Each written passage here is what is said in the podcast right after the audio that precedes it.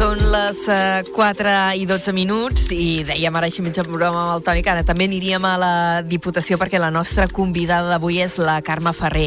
Ja l'hem entrevistat en altres ocasions en aquest programa perquè és l'alcaldessa de Senan, un poblet preciós que hi ha a la Conca de Barberà i també havia sigut vicepresidenta de l'Associació de Micropobles de Catalunya. Però és que, a més, des d'aquest mandat eh, ha assumit una nova responsabilitat a la Diputació, on ja era diputada provincial en l'anterior, però ha assumit l'àrea delegada de transició ecològica. I com que tenen molts temes tant amb els micropobles com a Senan com a, amb aquesta àrea de transició ecològica de la Diputació, teníem ganes de xerrar amb ella i hem contactat. Uh, Carme Ferrer, bona tarda, benvinguda a Carrer Major i moltes gràcies per atendre la nostra trucada. Hola, bona tarda, moltes gràcies a vosaltres de nou per donar-nos una mica de veu i poder explicar les coses.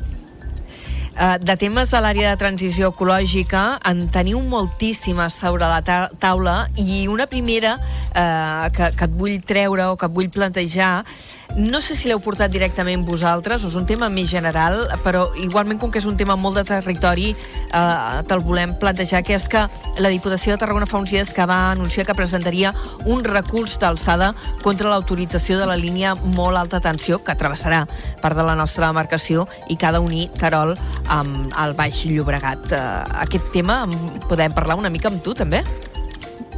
Sí, en podem parlar, en podem parlar. Doncs explica'ns en, quina, en quins arguments us empareu a l'hora de, de presentar aquest recurs d'alçada. Què creieu que es pot al·legar?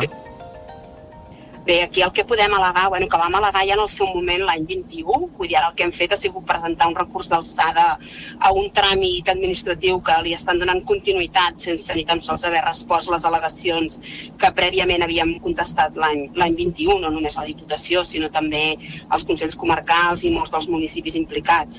I clar, aquí què és el que al·leguem? Aquí el que al·leguem, al·legàvem en el seu moment era de la manera que es feia aquesta línia, que era una línia punt a punt, que no era una línia de, de, de transport per tothom, sinó era una línia privada, eh, una línia aèria eh, no soterrada que realment té un impacte bastant, bastant bèstia en el, en el nostre paisatge, en el nostre territori. Eh, al·legàvem que això no aportava res eh, en, els nostres, en els nostres municipis i en el nostre territori. Eh, al·legàvem també aquestes maneres de fer sempre no, del poder més fàctic eh, d'alguna manera Uh, doncs això, no? bàsicament, uh, i que també després hi havia tots uns criteris mediambientals que no es complien i falta de documentació també a dins del propi projecte. E, era aquesta línia, perquè n'hi ha diverses línies d'alta tensió eh, en, en tramitació, e, era aquesta que també ara ja li han donat la, la declaració d'impacte ambiental per part del govern de l'Estat i que la Generalitat s'ha posat les mans al cap també? Sí, és la mateixa, sí, sí. Eh, N'hi ha algun altre que afecti el nostre territori o l'única que travessaria Camp de Tarragona és aquesta que anirà de Terol a Vegas? Uh, N'hi ha algun altre, però la veritat no en tenim massa coneixement encara del projecte i això. Sabem que s'estan treballant diverses qüestions al respecte, però la que realment uh, tenim material, diguem, per poder uh, avaluar, doncs, és aquesta, no? que l'any 21, com bé et deia, ja es van presentar doncs, les, les al·legacions pertinents i ara doncs, es va presentar aquest recurs d'alçada conjuntament amb els Consells Comarcals i, i d'altres municipis doncs, afectats ho comentàvem, començar la Carme Ferrer és també alcaldessa de Senan. Eh, un, la zona que travessa aquesta línia de molt alta tensió afecta en part la Conca, en part l'Alt Camp, en part del Baix Penedès també. No sé si a Senan us passarà per la vora o, o no, o se n'escapeu. Uh, jo considero que el fet que passi per l'Espluga de Francolí ja ens passa per la vora uh, i tot aquest impacte ambiental a vegades ens quedem tancats en el nostre límit, límit administratiu però la veritat és que això són projectes que afecten a la, a la, magnitud del territori no? i al territori ens hi movem tots uh, l'impacte que pugui tindre aquesta línia doncs, en els municipis uh, que termanen no? o, que, o que són colindants amb el municipi de Senan doncs és igual de bèstia no? en quant al seu desenvolupament econòmic de la comarca, eh, la, seva, la, la seva el seu impacte no? en aquest sentit, eh, doncs pensem que és tan important com, com encara que passi pel terme del costat, a nosaltres també també ens afecta aquest impacte, mm, potser no visual, excepte quan, el, quan baixem i el veiem, però sí amb tots els altres paràmetres jo crec que sí que ens afecta i ens afecta molt. Un tema que afecta el territori, del qual ja n'hem parlat eh, abastament en els informatius, que segurament tindrem oportunitat de parlar-ne en més ocasions. Eh, un altre projecte que es va presentar ara fa pocs dies, en aquest cas l'impulsa la Generalitat seria una mica el motor, però també s'hi heu adherit des de la Diputació, que és el de la plataforma contra els pèl·lets que és una qüestió, aquí estem, abans parlàvem de terra endins, ara parlarem de, del mar, no? Eh, quin, quin paper o quin paper tindrà aquesta plataforma? Què, què es planteja fer? Bé, aquesta plataforma, la bona notícia és que s'hagi constituït. De fet, el, el tema dels pèl·lets, tal i com vam presentar l'altre dia a la roda de premsa, ara, ara ben bé fa una setmana, eh, és una problemàtica no només del Camp de Tarragona, i en aquest cas un dels municipis més afectats doncs, és, és la Pineda, però, però és un tema mundial. Vull dir, el que passa amb, amb aquests residus de plàstic eh, que es van escampant diguem, per, per, tot el, per tot el planeta no? i l'afectació mediambiental que té i també a nosaltres a nivell de salut, no? Són aquests microplàstics que sovint ens els acabem bevent també o els que trobant els aliments. Uh, llavors aquesta plataforma el que intenta és aglutinar doncs, el que és l'administració pública uh, conjuntament amb l'empresa privada, no? que és qui d'alguna manera ha de posar fre i mesures a aquest, aquests uh, abocaments que d'alguna manera són pèrdues incontrolades que, que, que, que, que s'escapen, no? Vull dir, s'ha de, de començar a aplicar alguna tecnologia eh, per poder evitar tot això i, i l'altre dia que també hi havia els representants de la EQT eh, ja ho deien, que ja tenim bastantes empreses certificades aquí al territori eh, que compleixen la normativa del, del pelet zero. Pelet zero eh, no vol dir que no hi hagi pèrdues, sinó que s'han minimitzat moltíssims. I una mica la idea és doncs, anar des d'aquesta plataforma doncs, sensibilitzant aquestes empreses i també acompanyar-les perquè entenem que aquests residus al, al final acaben anant a parar als nostres municipis i qui ha de gestionar moltes vegades doncs, aquests abocaments, eh, per molt que vinguin doncs, de les empreses privades, eh, doncs és el propi municipi, no? és la pròpia administració pública. I crec que aquesta és una aliança molt positiva una aliança que es presentava ara fa pocs dies i el que també fa molt pocs dies que, que anunciàveu des de la Diputació de Tarragona és que ja s'han concedit ajuts als municipis per fer front als desperfectes, als danys que han provocat les emergències meteorològiques durant l'últim any. Estem parlant d'una partida de 2,9 milions d'euros i una partida que en els últims anys heu hagut d'anar incrementant. Així és. Uh, um, causístiques eh, d'imprevistos en patim tots. I aleshores eh, poder disposar d'aquesta partida eh, pels municipis per poder resoldre doncs, aqu aquestes coses excepcionals que ens passen, creiem que és una política marca eh, de la Diputació de Tarragona. Um, tal com bé dius, hem posat a disposició doncs, aquests més de 2 milions d'euros per, per aquests imprevistos, per aquestes excepcionalitats, eh, que en, en molts dels municipis doncs, els hi resolen moltes de les inversions que haurien de fer. Eh, en aquest sentit, doncs, per poder endreçar aquests imprevistos no, d'última hora eh, aquests, aquestes, aquestes subvencions també, evidentment, van destinades a, a per exemple, aquests, aquests imperfectes que, o aquestes inundacions que hem hagut de patir, no? també aquests últims mesos que hi ha municipis que són repetitives i que els hi van passant sovint quan plou, que diem que en aquesta terra plou poc, però quan plou, plou, plou malament, no sap ploure, eh, doncs posar a disposició doncs, tots aquests diners per poder esmenar eh, totes, aquestes, totes aquestes excepcionalitats. Penso que és una política molt forta que tenim des de Diputació i que ja fa anys que, que existeix i a més a més s'ha anat incrementant la partida. El fet que s'hagi incrementat la partida no vol dir que hi hagi més catàstrofes, sinó que també posem a disposició més diners per fer front, de, per fer front a, pues, a aquestes, aquest, aquests esdeveniments moltes vegades no, no desitjats. En l'àrea de transició ecològica de la Diputació teniu altres línies marcs de treball, eh, com podria ser la gestió forestal i la transició energètica. Ara acabeu de treure o esteu en procés de treure una nova convocatòria d'ajuts per aquests temes.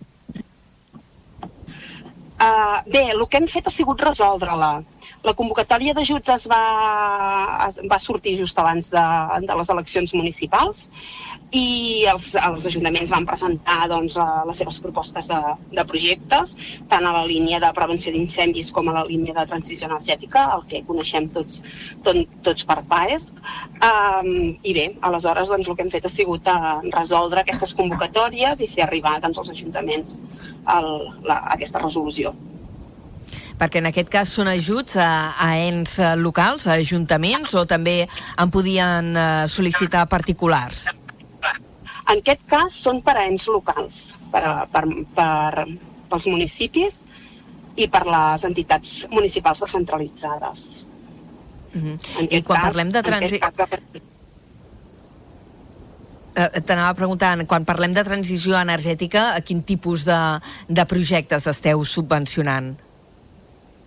Mira, projectes d'instal·lació de, d'energies renovables, projectes de calderes de biomassa fomentant el que és l'estella, que això és el que d'alguna manera ajuda també a fer la gestió forestal. Uh, projectes, per exemple, de mobilitat elèctrica, projectes també de carregadors per la mobilitat elèctrica.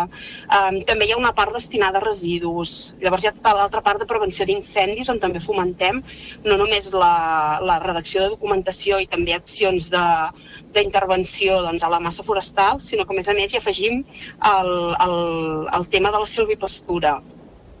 Mm -hmm. eh, què és això de la silvipastura? Perquè eh, potser hi ha gent que no està familiaritzada amb aquesta paraula i, i és interessant. Mira, la, la silvipastura és eh, el pasturatge que coneixem de tota la vida, el pastor. No? Abans la gestió dels boscos eh, es feia a través de ramats, no? Hi havia els pastors que tenien ramats i aquests ramats anaven al bosc i d'alguna manera no només eh, treien un producte final com podia ser la llet o els derivats làctics i la carn, sinó que a més a més eh, pues feien aquesta feina no? que avui en dia eh, pues la fem amb motosserres i desbrossadores, que no vull dir que no sigui necessari fer-ho així, però que en el moment on, on ha quedat el bosc més o menys endreçat, el manteniment doncs, amb, amb silvipastura, amb ramats, eh, doncs és molt més òptima i molt més sostenible i econòmica. I ara tenim projectes d'aquesta línia en funcionament aquí al territori, per posar algun exemple, eh? Sí, mira, per exemple, a l'Ebre tenim a la Serra de Llevaria, a Gandesa també tenim, uh, també tenim un espai uh, que està subvencionat amb diferents subvencions que també fomenta la silvipastura, eh, diferents territoris on tenen bos, boscos públics eh, doncs, doncs també han fet també han fet accions.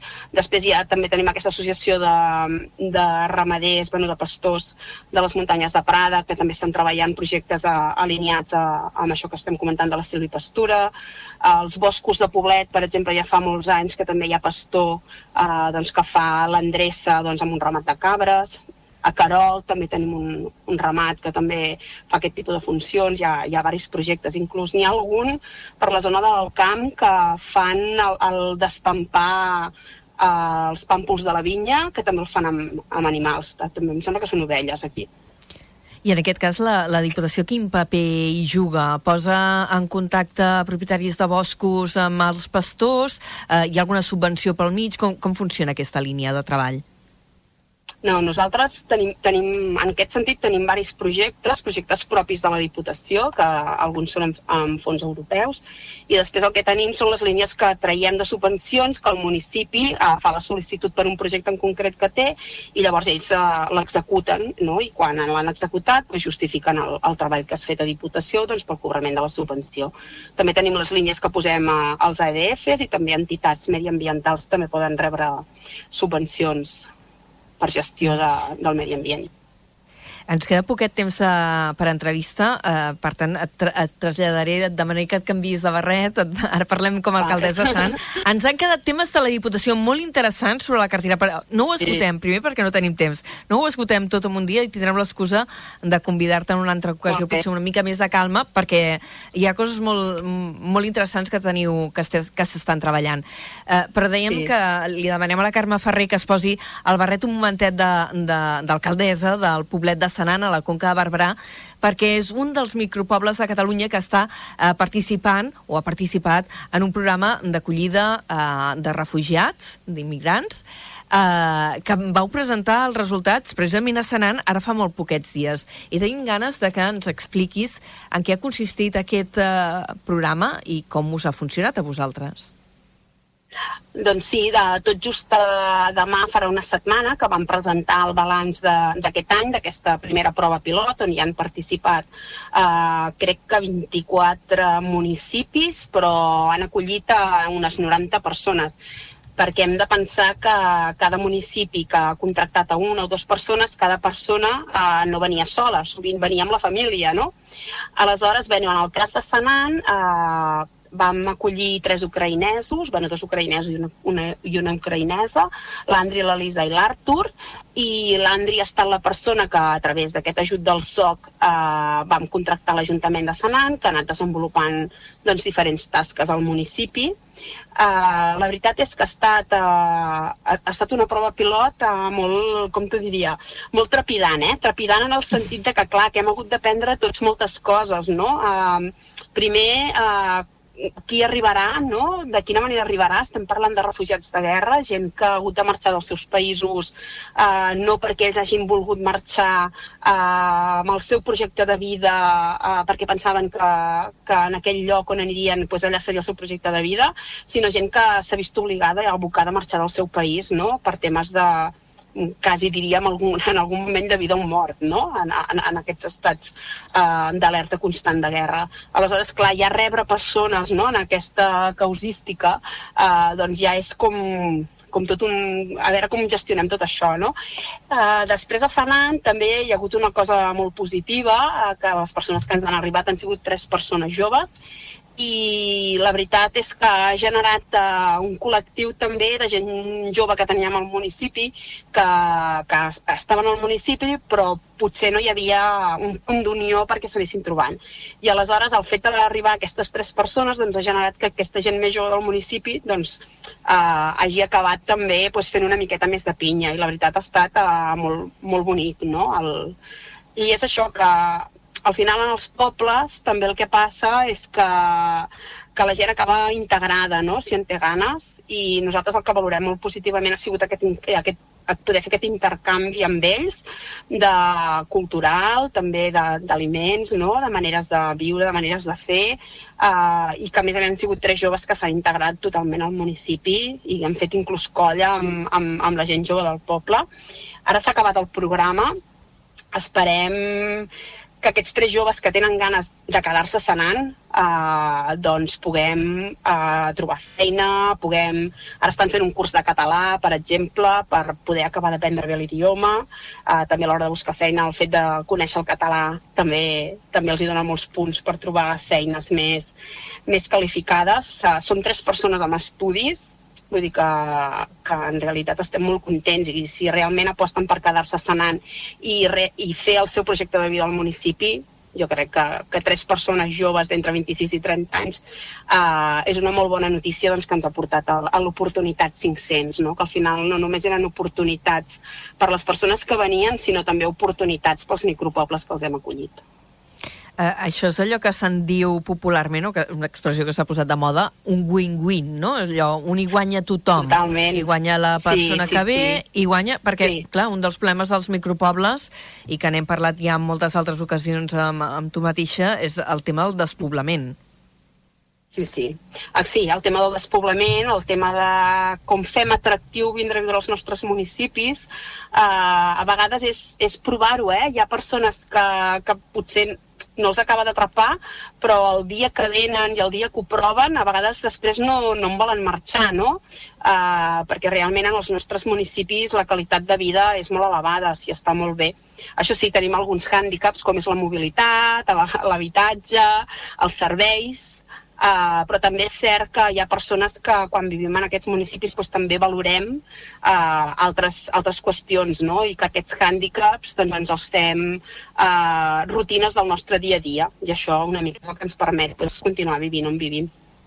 Home, tenir una tranquil·litat, un passatge meravellós. Això, això en part no té preu, eh?